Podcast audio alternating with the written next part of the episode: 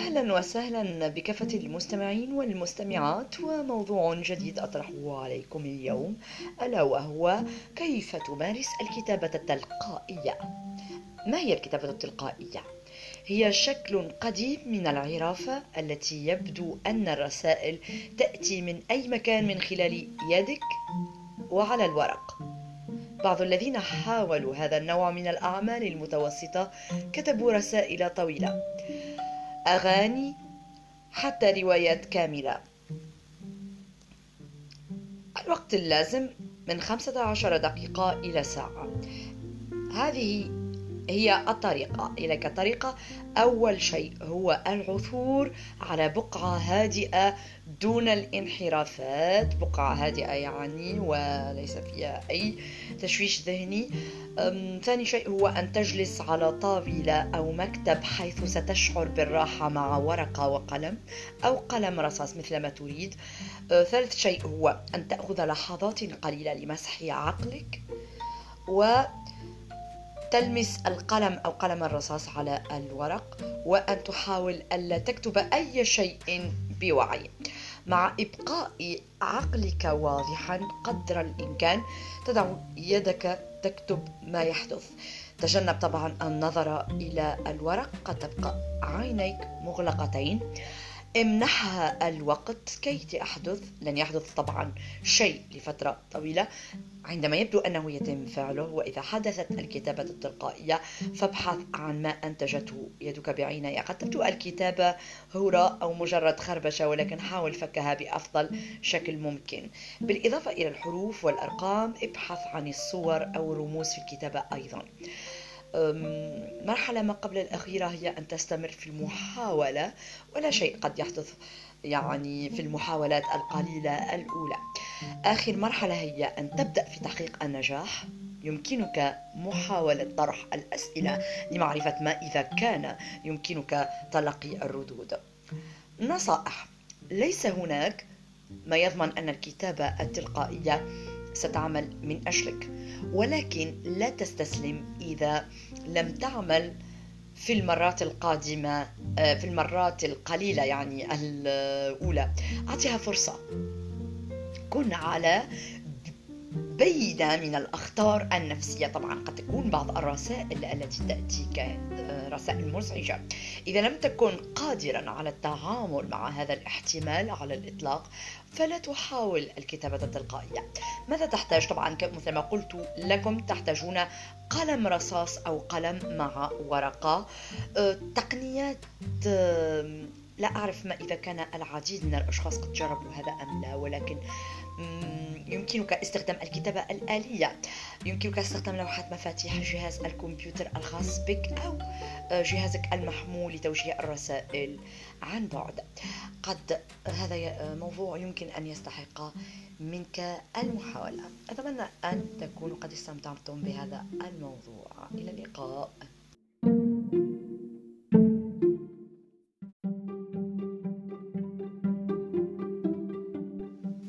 أهلا وسهلا بكم أعزائي المستمعين والمستمعات في نفس الإطار وفي نفس الموضوع ولكن بتوسع أكثر. سنتحدث عن السيكوغرافيا. السيكوغرافيا هي الكتابة التلقائية الباطنية. يمضي عدد من الناس طبعا دقائق معدودة في حالة استرخاء وتأمل. هل أنت منهم؟ ثم يشعرون أن أنامل أيديهم. بدأ بتحريك القلم الذي تمسك به وتكتب ما لا يخطر على بال. فكأن أيديهم تتحرك على الطاولة لتكتب بالقلم أشياء وأشياء من غير أن يدركوا أنهم على علم بها. ويبلغ بهم الوضع إلى الإسراع بشكل جنوني في كتابتهم وكأنها صادرة عن آلة إلكترونية تعمل بنفسها لتملأ العشرات من الصفحات دون تعب. ويمكن للأمر نفسه أن يحدث عندما يصور هؤلاء الناس مناظر خلابة في لوحات فنية أو ينظمون أبياتا من الشعر أو يؤلفون معزوفات موسيقية نتحدث هنا عن ظاهرة تدعى سيكوغرافيا إذا ما هي السيكوغرافيا أعزائي؟ سيكوغرافيا psychography هو مصطلح ينطبق على النصوص التي يزعم أنها كتبت من قبل أرواح أو كيانات غير مادية. وللسيكوغرافيا أشكال متعددة بدءا من روح مزعومة تمتلك السيطرة الكاملة على حركة يد الكاتب إلى أن يكون ببساطة ناتجا عن تأثير مبدئي تتدفق الأفكار منه. وهو يعتبر شكل من أشكال الكتابة التلقائية automatic writing ولكن فريدة من نوعها من حيث أن الكاتب يدرك عموما ما يكتب أي أنه لا يدخل في حالة في ال في ال trance يعني. أمثلة عن التاريخ. سأعطيكم أمثلة. من التاريخ يعتقد أن الإغريق والرومان هم أول من تطرق للسيكوغرافيا حيث اعتقدوا بأن إلهامهم الفني أو الشعري إلى آخره يعني. موهوب لهم من الآلهة أو أن الأحلام تأتيهم عن طريق الآلهة. صرح فولتير بمناسبة كتابته المسرحية الدراماتيكية. كاتيلين أو كاتيلاين أن التدفق الفكري الذي دام أسبوعا يضاهي مدة تفكير خمس سنوات في, التقي في الحقيقة وأنه واضح أن ذلك حصل بواسطة هبة إلهية. كتب المفكر العالمي جوتا قسما من مؤلفاته وهو في حالة سيكوغرافيا قوية وقد صرح بذلك بنفسه. أنه أحيانا لم يكن يدري بمضمون أبيات قصائده التي تفاجئه عفويا والتي تحثه على الكتابة مباشرة يعني بشكل غريزي وكأنه نائم. هذا يظهر لنا أن موهبة العقل الباطني عند يعني أو يعني هي خير دليل على جودة مؤلفاتهم وأنه بفضل سعة اطلاعه تصدر من أعماق تفكيرهم مواهب فضة خصوصا عندما تتلاشى وحدة تفكيرهم أو يضمحل تماسك من يعني منطقهم. وهذه الموهبة الباطنية تحصل أيضا عند الطلاب. تزعم الوسيطة الروحانية روزماري براون المولودة من عام 1916 إلى 2001 أنها تلقت تدوينات موسيقية السوناتا من مشاهير الموسيقيين الذين عاشوا في الماضي موسيقيين قد عاشوا في الماضي و آه، تضمن الإنتاج الموسيقي الذي يعني دونوه الكثير من الأغاني يعني تمثل آه، يعني الكثير من الموسيقيين. من أغرب مضامين ما ما كتب يعني بطريقة السيكوغرافيا ما ما ذكره جورج سيربالاد في كتابه سبارترز and medium. عند أحد عن أحد على ما أذكر هذا هو اسمه. عن أحد الوسطاء الذين صرحوا أن بني البشر لم ولن يطأوا القمر لأن الهواء غير متوفر فيه وأن الله لا يسمح بذلك ولكن على سطحه يوجد أناس يعيشون بصورة تختلف عن معيشة سكان الأرض من حيث استنشاق الهواء. كما أن هناك شعب يعيش على سطح الشمس لكن برداء خاص منحه لهم الرب الإله ليحميهم من حرارة الكوكب. يعتبر كتاب القانون Book of Law مثالا مثيرا للاهتمام عن السيكوغرافيا لأنه يعرض عدة أشكال منها. فعلى سبيل المثال يدعي أليستير كراولي أن نص هذا الكتاب قد أملاه عليه كيان اسمه I was وأنه بكل بساطة كتب ما سمع منه يعني شكل نموذي من من السيكوغرافيا. ومع ذلك على سبيل المثال رسم كراولي خطا آه، قطريا عبر الصفحة 60 الفصل الثالث 47 مما تشير إلى أن بعضا من الكتابة أتى أيضا تلقائيا أو ميكانيكيا.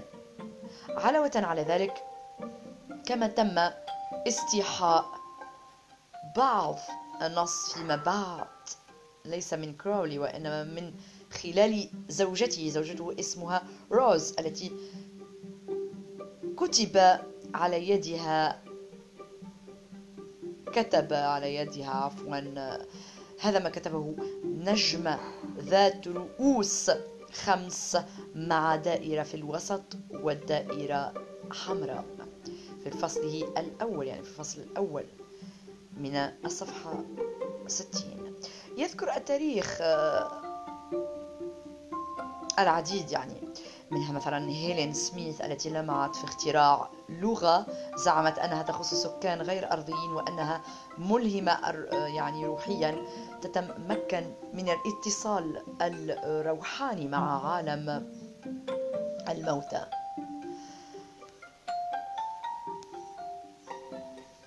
سطع نجم آه، تشيخو خافير المولود من عام 1910 إلى عام 2002 في تدوين آلاف الأسطر عن طريق السيكوغرافيا. وذاع صيته خصوصا في البرازيل مؤكدا اتصاله مع عالم الأثير حيث كتب أكثر من 400 400 كتاب بطريقة سيكوغرافيا من أجمل القصائد الشعرية وأكثر المواضيع العلمية تعقيدا. وقام ببيع ملايين النسخ ذهبت عائدتها للجمعيات الخيرية. يقول مالو دا سيلفا أن طالبا هولنديا حاول عبثا ثلاثة أيام إيجاد حل لمسألة حسابية كلف بها من كلف بها من طرف أساتذة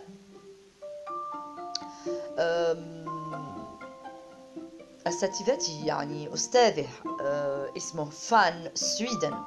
وبعد جهد مضني بدون نتيجة. نام ليستريح. وفي الصباح وجد على الطاولة التي يعمل عليها ورقة كتب عليها الحل المناسب للمسألة المعقدة ولم تكن حسب الوسائل التي تتبعها يعني آه، في آه، تبعها في جهدي الفكري. آه، وجه البروفيسور الفرنسي المتقاعد جون بيير الذي يعتبر المرجع الأول في علوم الفيزياء. لدى الكثير من الأوساط العلمية المرموقة صدمة قوية للعالم على إثر تصريحاته في إحدى وسائل الإعلام بأنه كان على اتصال مع مخلوقات قادمة من خارج كوكبنا وتعيش على كوكب يطلق عليه أومو. بالإضافة إلى تلقيه رسائل مزعومة من تلك المخلوقات بانتظام وعلى غير العادة فإن معظم تلك الرسائل كانت تعبر عن تقدمهم العلمي والبعض الآخر كان يحتوي على حلول لمشاكل كان يعتبر يعني حلها أشبه بالحلم البعيد. طبعا سأتحدث في يعني البودكاست القادم عن كوكب أومو. إن أردتم ذلك. كان العرب قبل الإسلام يعتقدون بأن الشاعر متصل بشيطان خاص به يلهمه الشعر. كان ذلك قبل الإسلام. أه، وأنا ك... وإن كان لكل شعر شيطان. وحين يقول حسان بن ثابت قبل إسلامه. ولي صاحب من بني الشي صبان.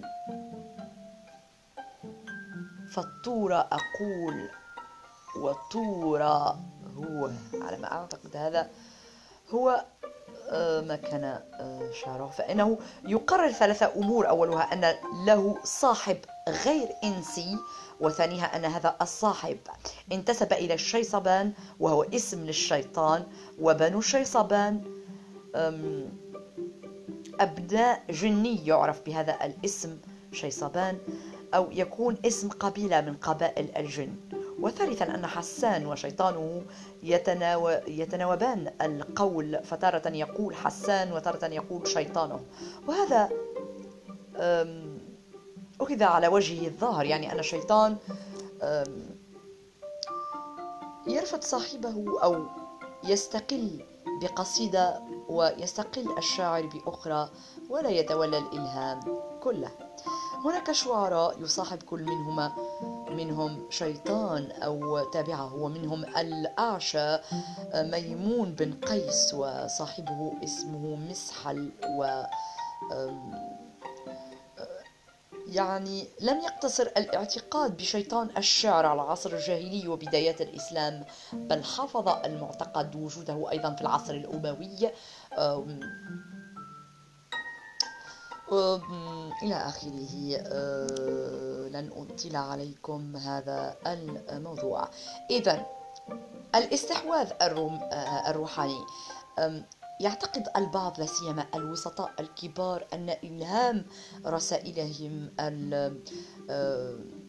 الروحانية يعني أو الأرواحية يصلهم من أرواح الأحياء في الأثير. فيؤلفون كتبا عديدة ومعقدة أحيانا ويتأكدون حسب زعمهم أنهم خاطبوا أرواحيا تلك الأرواح.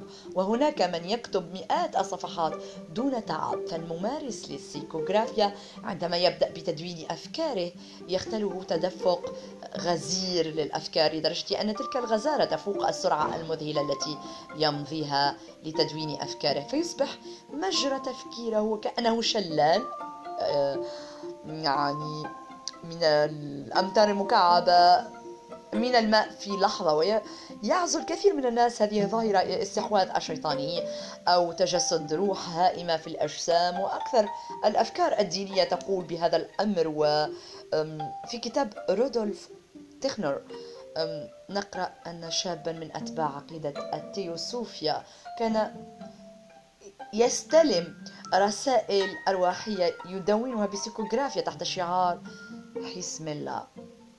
وأن ذلك الشاب يعتقد بشدة بالاتصال الأرواحي ما بين عالم الأرض وعالم الأرواح أو الموتى وكلمة حسم الله في الواقع ما هي إلا المسيح.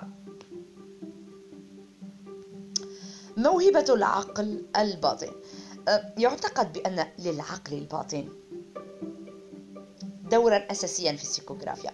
إذ أن صاحب العلاقة يشعر أنه يكتب ولكنه لا يعلم كيف تأتيه الأفكار التي يكتبها. يصرح أبرز علماء النفس والبارا بسيكولوجيا كغراسي وجاني ومارس وكونس كونزاليس. أن أصحاب الكتابة غالبا ما يطلبون من أرواح الموتى يفعلون ذلك لجهلهم أن باطنهم باطنهم هو المسؤول عن كتابتهم الأوتوماتيكية. أن أن يلهموهم بكتابة سهلة القراءة. ذلك لأنهم لم يستطيعوا التعرف على بعض ما كتبوه قبلا.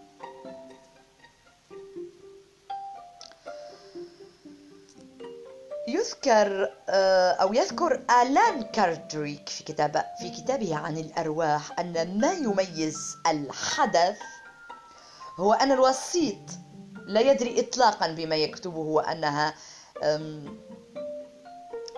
لفرصة ثمينة أن تكون هذه الملكة هي التي تؤكد دون شك استقلالية التفكير بالنسبة لصاحب الكتابة. معتقدا أن الأرواح هي التي تملي على الممارس الكتابة كأنه وحي روحي. لكن البارابسيكولوجيا وعلم النفس المرتكز على أسس ثابتة لم يكونا آنذاك قد يعني ولد إطلاقا مما يعلمنا لماذا لم يتفهم الناس ماهية السيكوغرافيا من جهة وخطأ تفهم آلان كارديك مؤسس عقيدة المناجاة الأرواحية لميكانيكية الكتابة الباطنية. هناك من يملك قابلية الباراسيكولوجية خاصة تؤهله الإدلاء بمعلومات قلما يدلي بها أثناء يقظته الكاملة. وربما يصلح أن نقول أن أصحاب هذه القابلية هم فريسة عقولهم الباطن. الباطنية لما ينتج عن ميكانيكية كتابتهم من مخاطر واضطرابات نفسية. أن موهبة العقل الباطني قد تخترع أساليب متعددة لإظهار غناء اللاوعي وتنوع أساليبه في الكتابة الأوتوماتيكية. ثالثا ثالث شيء أريد أن أتحدث عنه هو الانفصام في الشخصية. يعتقد الأطباء المهتمين بالأمور البارابسيكولوجية أن الأمر لا يعدو أن يكون سوى انفصام في الشخصية لدى الوسطاء ولدى من يدعي هذه التقنية من الكتابة الغريبة وهذا الانفصام يختلف عن انفصام الشخصية لدى المهستر أو المضطرب عقليا البسيكوبات. والشخصية البسيكوغرافية تتميز بالهذيان العقلي الباطني ومن يثابر في ممارستها فله كل الفرص للوقوع في الاضطراب النفسي. بحيث إذا تفحصنا الممارس لهذه الكتابة أثناء بسيكوغرافيته نلاحظ أن وحدته البسيكولوجية تنقسم إلى قسمين. الوحدة الواعية التي تعود إلى الشخص الذي يكتب والوحدة اللاواعية التي تظهر فيما يكتب. هذا عدا أن الوحدتين تظهران معا باختلاف الحالة الأولى وكأن الوسيط يقول إن نابليون يكتب بيدي. نظرية الوراثة. هناك نظرية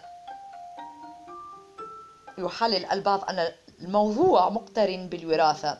فنظرية الوراثة تقول أن النواة الخلية العصبية في الدماغ قد تحتفظ بدقائق المعلومات والمعرفة المكتسبة عند الأهل أو الأجداد مثلا وتنتقل إلى الأبناء.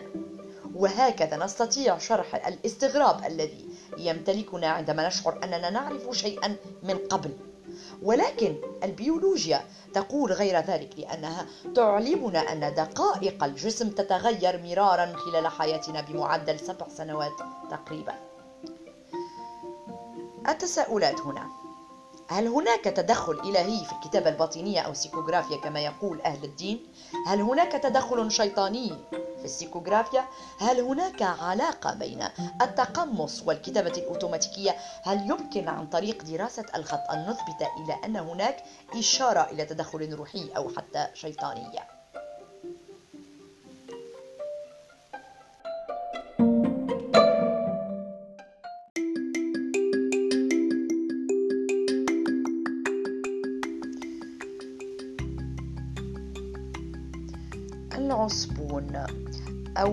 neuron أو الخلية العصبية nerve cell هي خلية قابلة للاستثارة كهربائيا ويمكنها معالجة ونقل المعلومات عبر إشارات كهربائية وكيميائية.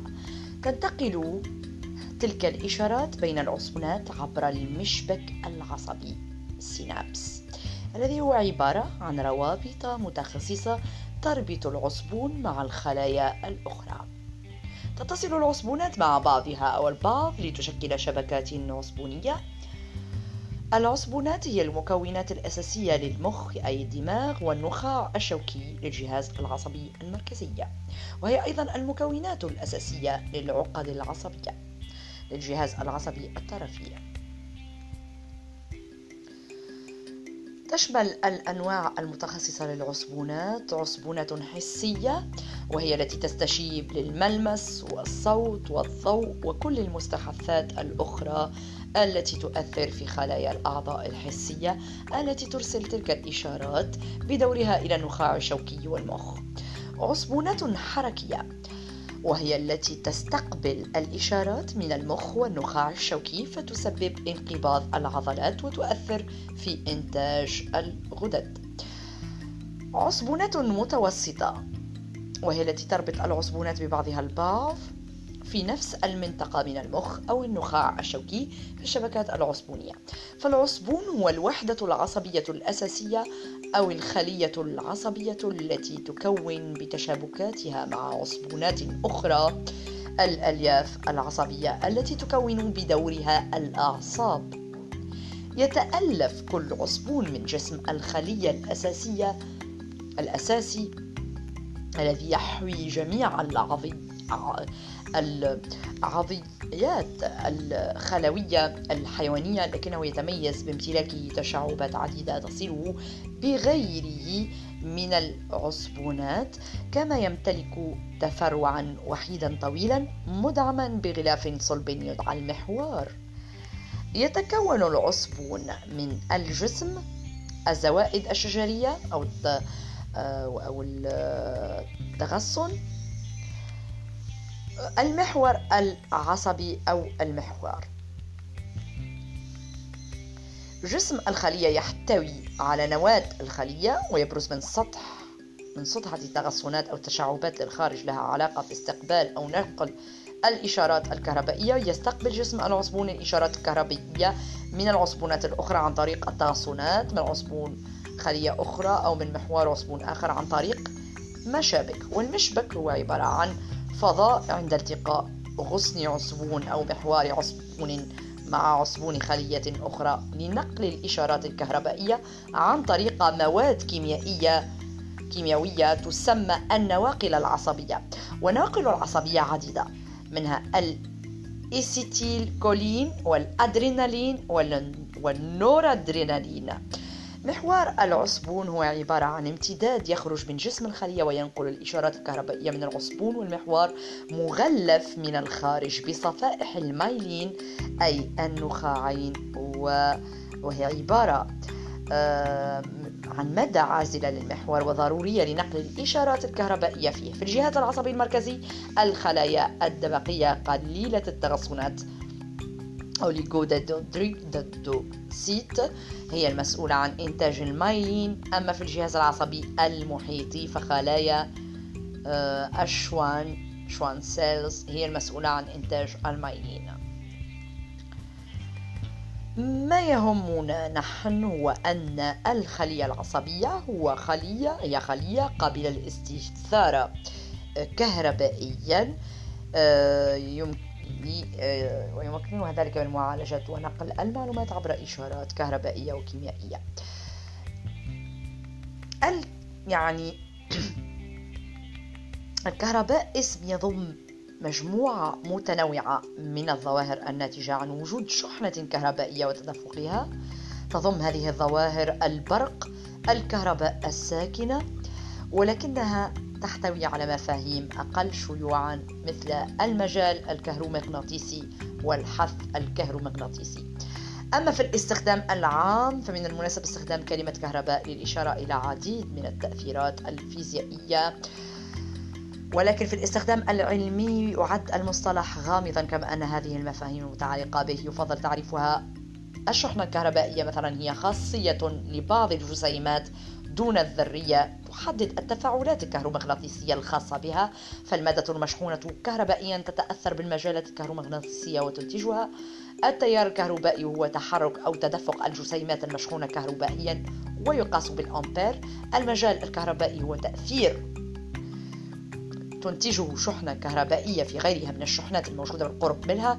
الجهد الكهربائي قدرة المجال الكهربائي على الشغل ويقاس بالفولت. الكهرومغناطيسية هي التفاعل الأساسي الذي يحدث بين المجال المغناطيسي ووجود الشحنة الكهربائية وحركتها.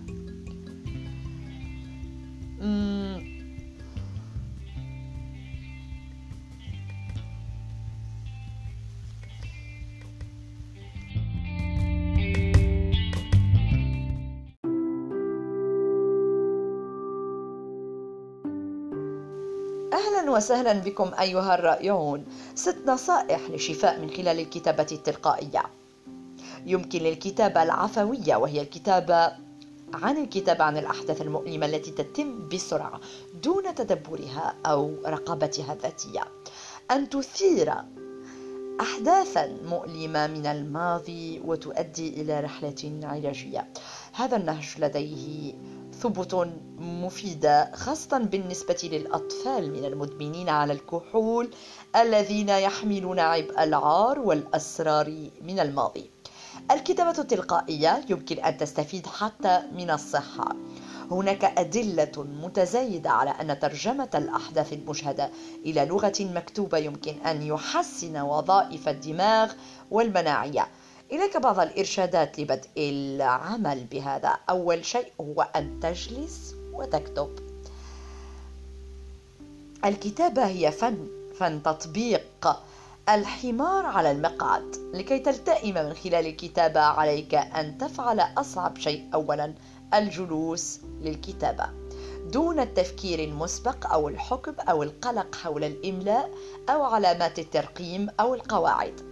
أخبر نفسك أنه يمكنك دائما إعادة الكتابة واستخدام التدقيق الإملائي لاحقا. لا أحد يطلب منك كتابة شيء قد يفوز بجائزة بوليتسرز بوليتسر تذكر أنك تكتب لنفسك وليس للنشر لأن الكتابة لديها القدرة على فتح الأبواب الداخلية واستعادة الذكريات المنسية على ما يبدو. ثاني شيء التغلب على حاجتك لتكون مثالية. الأطفال من مدمني الكحوليات غالبا ما يكونون ناجحين جدا لأنهم يحاولون أن يكونوا مثاليين.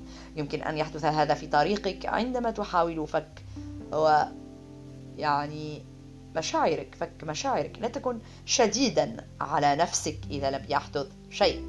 إذا حدث هذا لا تختم تلقائيا لست كاتبا. ثالث شيء اكتب عن الأحداث التي تربطها بالإجهاد أو الصدمة. اكتب عن شيء يزعجك في الماضي أو في الوقت الحاضر. على سبيل المثال في إحدى القصص كتبت مؤلفة عن الفوز بجائزة في المدرسة والعودة إلى المنزل للعثور على والدتها حتى في حالة سكر أنها لا يمكن أن تحتفل بإنجازها. شعرت أن هذا هو اليوم الذي انتهت فيه طفولتها. تكتب عن خوفها من العودة إلى البيت كل يوم. دون معرفة من الذي ستعثر عليه؟ الأم اللطيفة أو الأم الساذجة؟ رابع شيء هو أن تكتب باستمرار لفترة قصيرة من الزمن. من الناحية المثالية اكتب عشر دقائق إلى عشرين كل يوم. هناك شيء يحرر الكتابة بسرعة ودون خطة محددة سلفا أو محرر داخلي وغالبا ما ينتقد. أو ينتقد. يجب الكث يعني يجد الكثيرون منا صعوبة في العيش في الوقت الحالي. ولكن الكتابة التلقائية مع مرور الوقت بت... يعني تنقلنا يعني خامس شيء هو أن تستخدم الكلمات والعبارات المحملة كرسائل مطالبة. النظر في هذه الكلمات باعتبارها فرصا لإخراج المكونات ونرى تدفقات مثل الخوف الأمل الفكاهة التخلي عن المجتمع الوطن الروحانية الاستسلام القرار عدم القدرة على التنبؤ الإهمال الشجاعة الهدايا إلى آخره. سادس شيء هو إنشاء طقوس حول الكتابة. قد ترغب في إنشاء مكان خاص للكتابة والوقت المتوقع من النهار أو الليل. قد ترغب في الموسيقى الخلفية أو الصمت التام.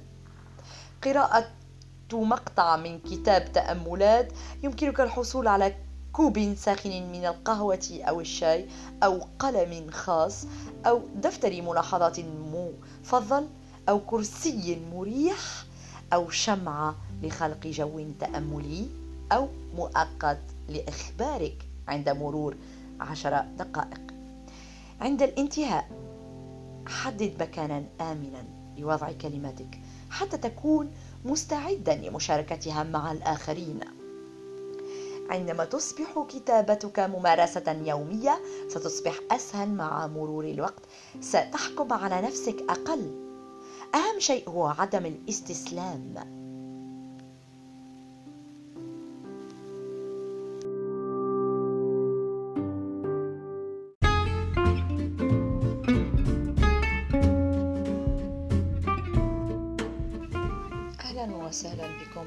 أعزائي في نفس الإطار سنتحدث ونتوسع ونفهم أكثر لغز الكتابة التلقائية. السيكوغرافيا الحرية هي وجودنا في حرم العقل وذلك ما هو إلا جزء صغير من الفكر الملموس. في عالم الأرواح اللامتناهي رغم كل ما توصلنا إليه من علوم ومعرفة وخاصة فيما يتعلق بعلم النفس وفي مجالات علم الدماغ والأعصاب والإدراك. إلا أننا ما زلنا نجهل الكثير من الظواهر النفسية والروحية المحيطة بالإنسان ومنها الكتابة التلقائية السيكوغرافيا التي لا تزال حتى اليوم لغزا من ألغاز النفس البشرية التي حيرت المجتمع العلمي السائد. هذا المصطلح الذي ينطبق أيضا على النصوص التي تكتب وتملى وتخط بواسطة الأرواح من العالم الآخر. بعد أن تسيطر على حركة اليد ويدرك الإنسان أن ما يكتبه ليس بإرادته بل بفعل أرواح تبلي عليه وتكتب. تعتبر السيكوغرافيا أو الكتابة التلقائية بأنها ممارسات نفسية غامضة. تسمح لشخص بإنتاج كلمات مكتوبة ذات بناء لغوي جيد أو رسومات دون كتابة. واعية توحي بحالة ذهنية غير طبيعية وحالة وحالة وعي مغايرة كما توحي بتدخل كيان روحي بشكل أو بآخر. وعادة ما يستخدمها الناس والوسطاء الروحانيون في محاولة لإجراء الاتصالات مع أرواح الموتى أو كائنات من العالم الآخر أو حتى كائنات فضائية لغرض الحصول على المعلومات والإجابة على الأسئلة الملحة.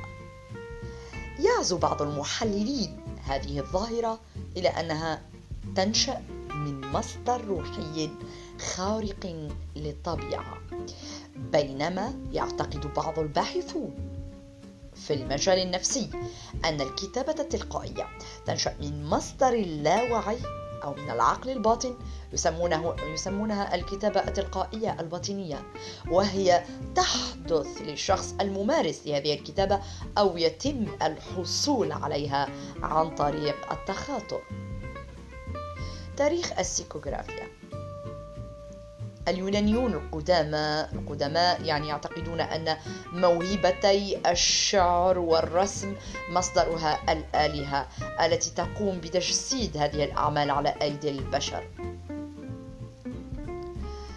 أما المجتمعات الإسكندن الإسكندنافية القديمة. قد كانت تشير الكتابة التلقائية بأنها من وسائل السحر وأحيانا يكون مصدرها الآلهة التي تشكل الكلمات في عقولهم الواعية وتجعل أيديهم تخط وتكتب بها. وفي العبرية ذكر في كتاب عاموس أن الوحي يأتي إلى الإنسان بصور, بصور مختلفة لأن الوحي هو عملية واعية يستخدمها الكاتب أو الرسام حسب تفاعله مع الرؤية التي أوحيت إليه في حين أن الإلهام غير واعي ويتم تلقيه دون أي فهم كامل. وفي المسيحية يعتبر الإلهام هدية من الروح القدس وقد قال القديس بولس في إشارة إلى الكتابة التلقائية أن كل الكتابة تعطى عن طريق الإلهام من الله. وكان القديس جيروم يعتقد أن الشعر المثالي هو بمثابة أفضل تفاوض بين الإلهام الإلهي والوعي البشري. كان المؤلف والكاهن الكاثوليكي والمنجم ومحيي الأفلاطونية الحديثة مارسيليو فيسينو. يمارس الكتابة التلقائية في حالة من الهيجان. وكان يقول بأنه يتلقى الإلهام من آلهة الشعراء وقد تم توثيق السيكوغرافيا تاريخيا في عام 1774 من قبل القاضي جون أدموندس. كانت تنسب هذه الظاهرة إلى روحانية حيث كان يعتقد الناس أنها رسائل من وراء القبور. وفي عام 1878 تم نشر أبحاث متعددة تتحدث عن السيكوغرافيا الكتابة التلقائية إلى جانب أبحاث تتحدث عن رؤى الأثير والهالات المغناطيسية من قبل المؤرخ إيبوليت تين في كتابه المخابرات. وقد نسب هذه الظاهرة إلى قدرات روحية. كما ادعى فرناندو بيسوا والذي يعتبر من أهم الشخصيات الأدبية في القرن العشرين أنه يتمتع بالقدرة على الكتابة التلقائية والتي اكتشفها فجأة في عام 1916 ووصفها بحالة من الغوص في الغموض. وقال أيضا واصفا للكتابة التلقائية أنه يشعر بأنه مملوك لشيء آخر وغامض. ويشعر أحيانا بضجة شديدة بالذراع الأيمن. كما ادعى أن ذراعه أحيانا كانت ترتفع في الهواء دون إرادته وكان المفكر جوته لديه القدرة على الكتابة التلقائية حيث قال في أحد تصريحاته عندما قمت بالكتابة التلقائية أول مرة كنت في حيرة. كنت أتساءل ما هذه الكلمات إن لم تكن تعبيرا عن الأفكار. ولكن بعد ذلك بدأت في التفكير في ممارسة الكتابة الإبداعية حتى أني أصبحت غالب غالبا ما أستخدمها في كتابة الأعمال ولا يأخذ مني أي موضوع إلا ثلاثة أو أربع دقائق. كما يقول أيضا أن الكتابة التلقائية تنتج يعني تيارات من الوعي غير المقيد ونتائج غالبا ما تكون مثيرة للدهشة. وادعت جورجي هايد زوجة أعظم شعراء القرن العشرين ويليام بتلر ييتس الذي كان يؤمن بعلوم السحر والتنجيم والتخاطر عن بعد والاتصال بعوالم خفية وهو الحاصل على جائزة نوبل في الأدب عام 1923 حيث كانت زوجته جورجيا تؤمن بالسحر أيضا وتقول أنها تلقت رسائل من عالم الأرواح وقالت أيضا أنها تتمتع بالقدرة على الكتابة التلقائية.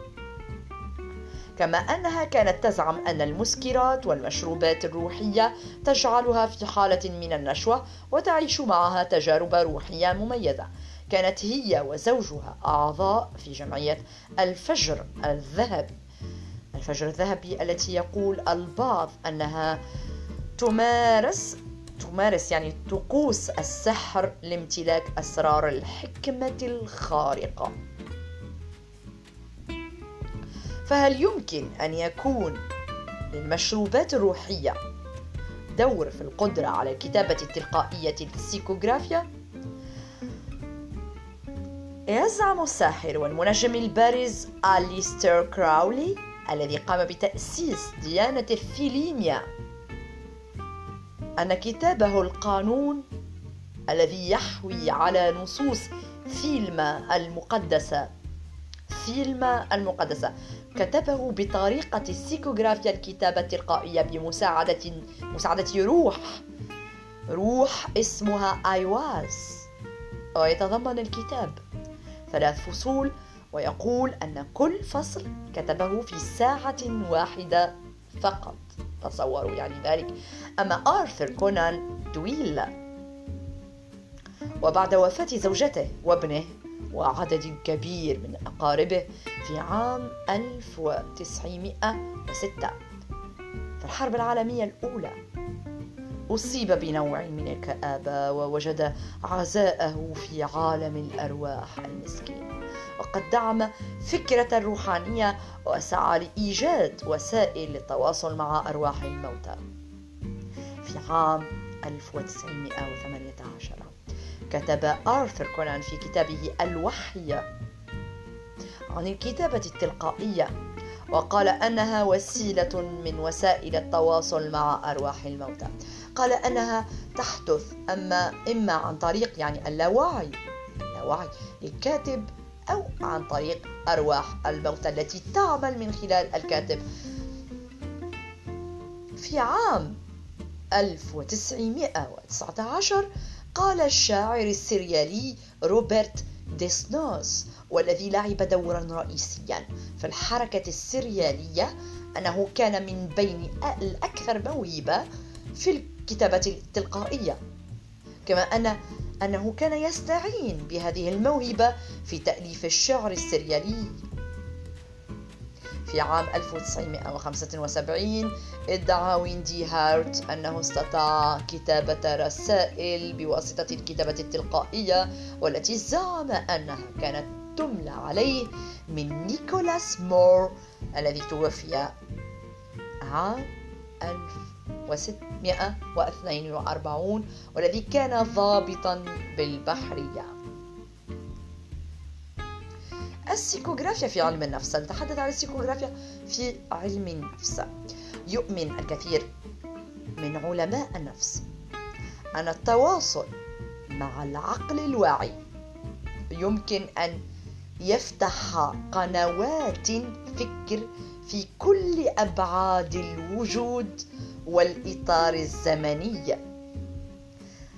كلام مهم للغاية.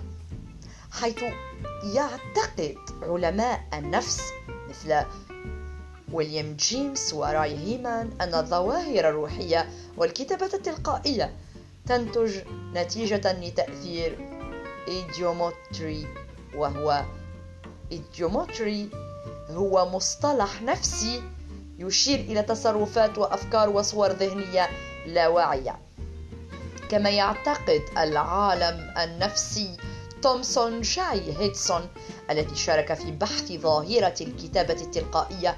أن التفسير الوحيد لهذه الظاهرة هو العقل الباطن. في عام 1894 صدر مقال في المجلة الطبية البريطانية للطبيب تشارلز مارسي. انتقد فيه التفسير الروحاني للكتابة التلقائية وقال: ليست هناك حاجة ولا مجال لتدخل الأرواح في الكتابة التلقائية والكتابة التلقائية الذاتية ما هي إلا دليل على غموض العقل. وفي القرن التاسع عشر قال أستاذ علم النفس تيودور فلورن فلورينوي أنه قام بالتحقيق في حالة هيلين سميث. هيلين سميث التي كانت لها قدرات روحية خارقة والتي بدأت قدراتها الروحية في الظهور عام 1892 كما أنها كانت تمارس الكتابة التلقائية لنقل رسائل من كوكب المريخ كما كانت تدعي.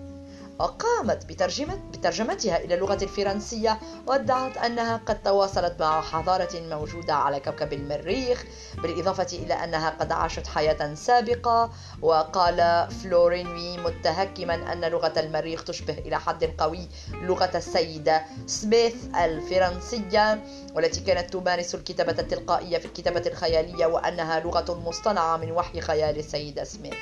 وقد قالت فلورينوي مصطلح تذكر الخفايا. لوصف هذه الظاهرة تذكر الخفايا. من كتابة هيلين سميث التي تزعم أنها مريخية الأصل.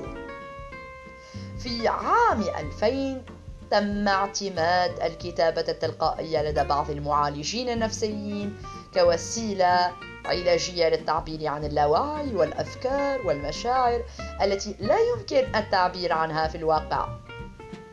وقد قام عدد من علماء النفس بتشبيه محتوى الكتابة التلقائية بمحتوى الأحلام القابل للتفسير على أرض الواقع.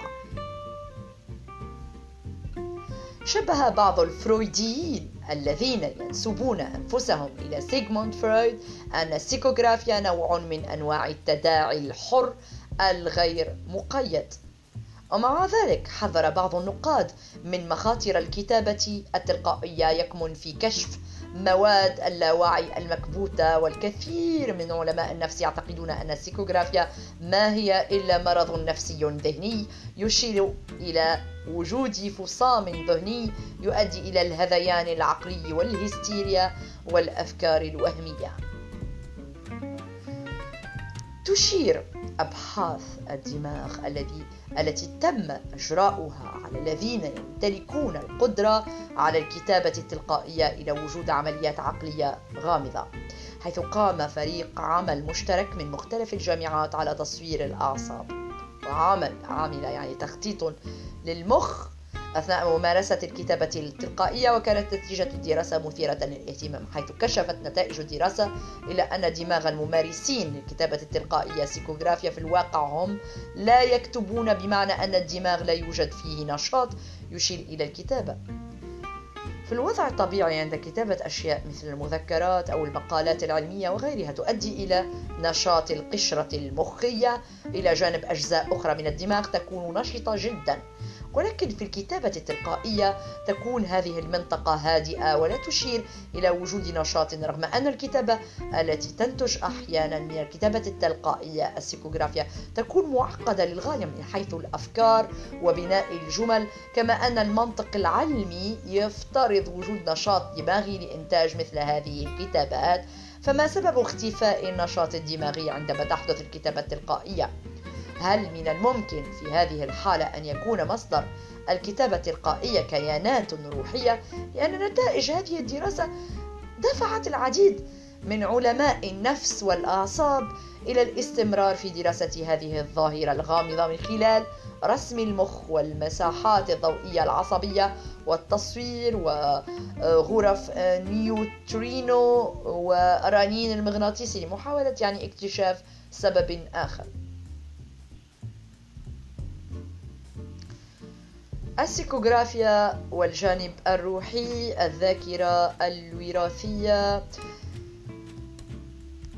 إذا السيكوغرافيا ذكر جون وورث إدموندز عام 1853 في كتابه الروحانية.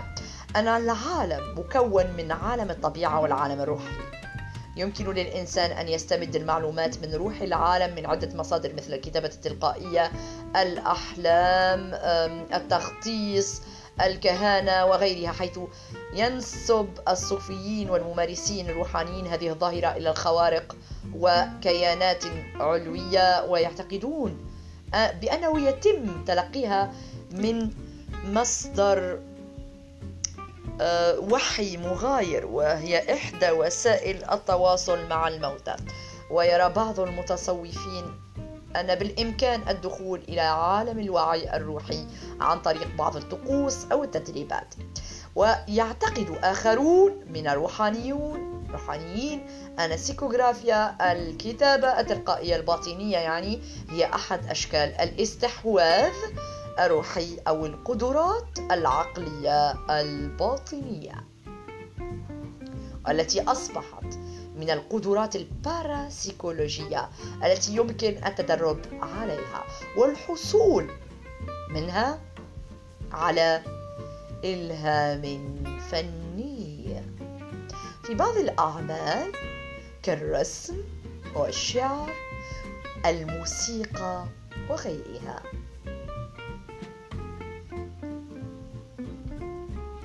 وتعتبر هذه الظاهرة.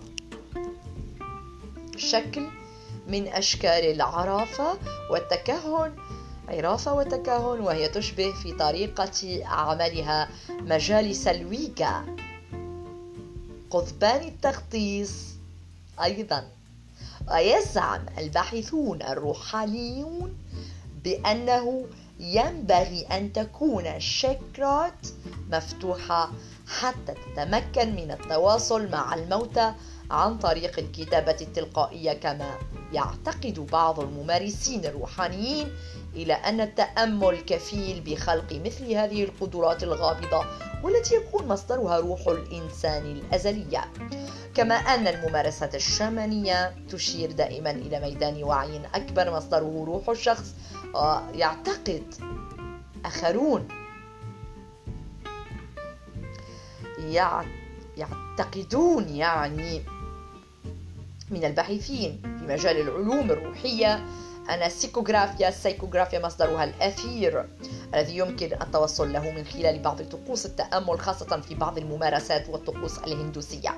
بعض الباحثين من المؤمنين بالتعاليم البوذية والشامانية يعتقدون أن الكتابة التلقائية وسيلة لأخذ المعلومات من الحياة السابقة في دورات تناسخ الأرواح في عام 2009 نشر كتاب لجانيت كونر باسم كتابة أسفل روحك تحدثت فيها عن الكتابة التلقائية التي تزعم أنها اتصال مع الله والانخراط في محادثة حيوية مع الحكمة التي تسكن خلف الوعي وتنصح كونر بالكتابة التلقائية يوميا مع ممارسة الصلاة والتأمل حتى يفتح باب المعجزات. الذاكرة الوراثية. جاء عالم النفس عالم النفس السويسري اسمه كارل يونغ. كارل يونغ صاحب العلم صاحب علم النفس التحليلي بفكرة اللاشعور الجمعي حيث يرى يونغ أننا نولد بإرث سيكولوجي وإرث معرفي كالإرث البيولوجي وكلاهما محدد محدد للسلوك والخبرة. ويرى يونغ أن اللاشعور الجمعي عامل عام يعني عند كل البشر أو يعتبر يعتبر اللاشعور الجمعي ذاكرة عرقية وراثية تحتوي على معلومات وخبرات ولغات البشر وغالبا ما تكون معلومات موروثة من الأجداد كما هي الصفات الجسدية. ويرجع ذلك إلى تشابك العقل الجماعي فكرة يونغ عن اللاشعور الجمعي مشابهة لفكرة الوعي الجماعي كما أن اللاشعور الجمعي هو مخزن لخبرة البشر العرقي. وفي اللاشعور الجمعي يوجد صورة صور بدائية شائعة للبشر في منطقة أو تاريخ محدد ويختلط مع المعرفة الحدثية. قد كان يونغ حريص على تأكيد الشخصيات الروحية المقدسة وإمكانية التواصل مع العقل الإلهي أو العالم فهل من الممكن أن تكون المعلومات التي تم الحصول عليها من الكتابة التلقائية مصدرها الذاكرة الوراثية البشرية؟ الذاكرة الوراثية البشرية كما هل يمكن التوصل إلى شخصيات روحية عن طريق الوصول إلى اللاشعور الجمعي؟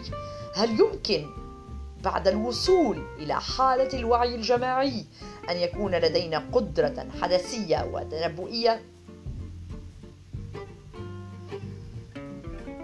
إذا ما هو رأي المشككين؟ يعتقد بعض المشككين أمثال المحقق جون نيكل أن الكتابة التلقائية ما هي إلا شكل من أشكال طفرة أو نقص في أحد السيالات العصبية أو زيادة في النشاط العضلي فاقد الوعي. ويزعم بعض المشككين أن الكتابة التلقائية ما هي إلا كلمات تأتي من العقل نفسه ومن الذكريات المدفونة. يمكن كذلك حسب رأيي كما يعتقد العالم النفسي ستانلي هول صاحب كتاب علم النفس الغير طبيعي والذي كتاب جد مهم. والذي حضر العديد من يعني ستانلي هول حضر العديد من جلسات تحضير الأرواح وطبق عددا من الاختبارات النفسية على بعض ممارسي الكتابة التلقائية مثل يونورا باي بيبر التي كانت تدعي أن لديها موهبة الكتابة التلقائية أن هؤلاء الممارسين لهذه الأعمال يعانون من الوهم يعانون من الوهم وكل هذه الادعاءات مبالغ فيها. كما قال في كتابه أن نتائج التنويم المغناطيسي تشير إلى أن كل ما يتم زعمه عن الكتابة التلقائية مجرد ادعاءات. العالم تيودور آه، فلورينمي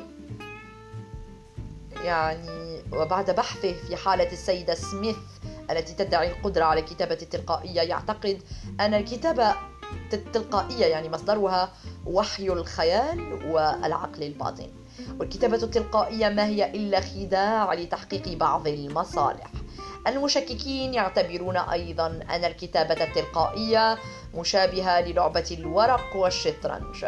تقول الكاتبة جانيت كونر أنها تشكك في التفسير النفسي لظاهرة الكتابة التلقائية حيث تقول أن علماء النفس ينكرون الجانب الروحي والذي يعتبر هو واقع ظاهرة الكتابة التلقائية. وهم لا يستطيعون تعريف ماهية الوعي والعقل الباطن الذين ينسبون الظاهرة إليه. إذا كيف يعمل كيف تعمل الكتابة التلقائية؟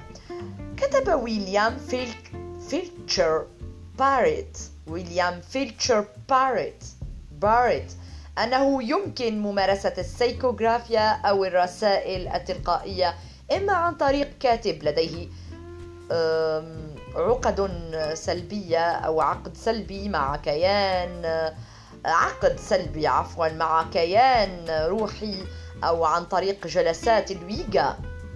وقال ويليام باريت أن كل ما تحتاجه لتتعايش مع شعور الكتابة التلقائية هو خلق مستوى معين من التأمل أو في حالة النشوة أو في حالة الاستيقاظ من النوم مع قلم رصاص وبعض الأوراق أو لوحة صغيرة. وقال أن الأرواح لديها ميل ونزعة للسيطرة ولكي يسهل لها السيطرة على اليد في هذه الحالات الثلاث فقط عليك أن تستسلم لها. وقد تملي عليك بعض الرسائل أو كتاب بأكمله. ولكن حافظ على الاسترخاء ويعتقد يعتقد يعني بعض الباحثين أن بعض مؤشرات الكتابة التلقائية تكون ببعض الوخزات في اليدين أو الذراعين أو الشعور بنزول ضغط الدم وأحيانا مع حدوث اضطراب عضلي في منطقة معينة من الجسد وغالبا في اليدين. خطوات ممارسة الكتابة التلقائية السيكولوجية وهي من أهم المراحل وآخر مرحلة يعني أحكي فيها وأذكرها في هذا البودكاست. خطوات الممارسة.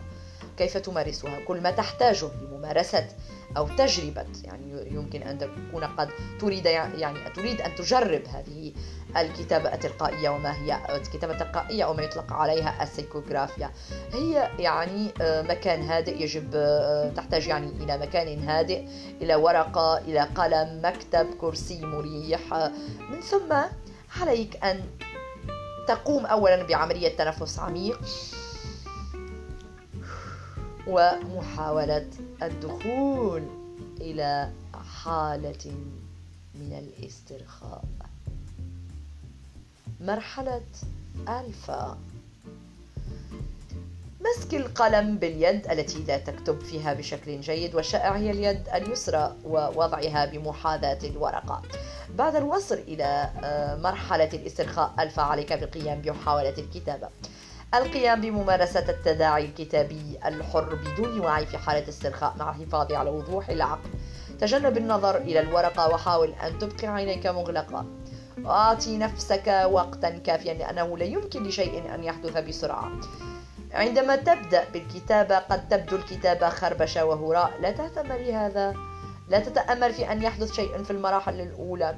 إذا واجهت صعوبة أيضا في هذه الممارسة يمكن أن تقوم بطرح الأسئلة على عقلك وأن تترك يدك تنساب على الورقة يمكن بعد الانتهاء من الكتابة القيام بتفسير للرمز وتحليل الرسم للتوصل إلى محتوى الرسائل المكتوبة. كيف تمارس الكتابة التلقائية مع جهاز الكمبيوتر؟ من الممكن اليوم طبعا ممارستها على جهاز الكمبيوتر أي الكتابة التلقائية. وكل هذا ما عليك فعله هو التأكد من أنك بمزاج هادئ و...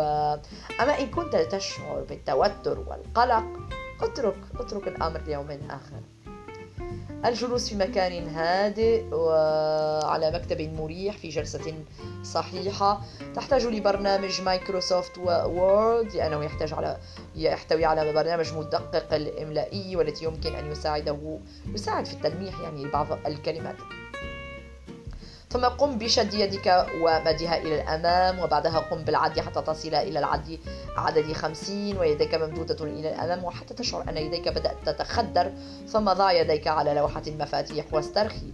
خذ نفسا عميقا يعني واسمح لنفسك بأن تكتب كل ما يخطر على بالك لمدة خمسة عشر دقيقة على الأكثر. قد لا يخطر في بالك أي كلمات في المرة الأولى. ربما تخطر على بالك حروف فقط اكتبها ولا تهمل أي شيء. يخطر في بالك ويفضل بعض الباحثين أن تكون متعودا على لوحة المفاتيح وتعرف أماكن الحروف بشكل جيد. بعد أن تكون قد كتبت العديد من الكلمات أو الحروف اقرأ ما كتبت. قد تشعر أن ما كتبت هو خليط من الكلمات غير المترابطة ولكن حاول أن تقوم بتحليل ما توحي به هذه الكلمات. بعض الباحثين يفضلون الاستعانة بعد هذه الخطوة بفحص الكلمات. الإملائية ليساعد في ربط الكلمات وتكوين جمل وعبارات تشير إلى شيء ما.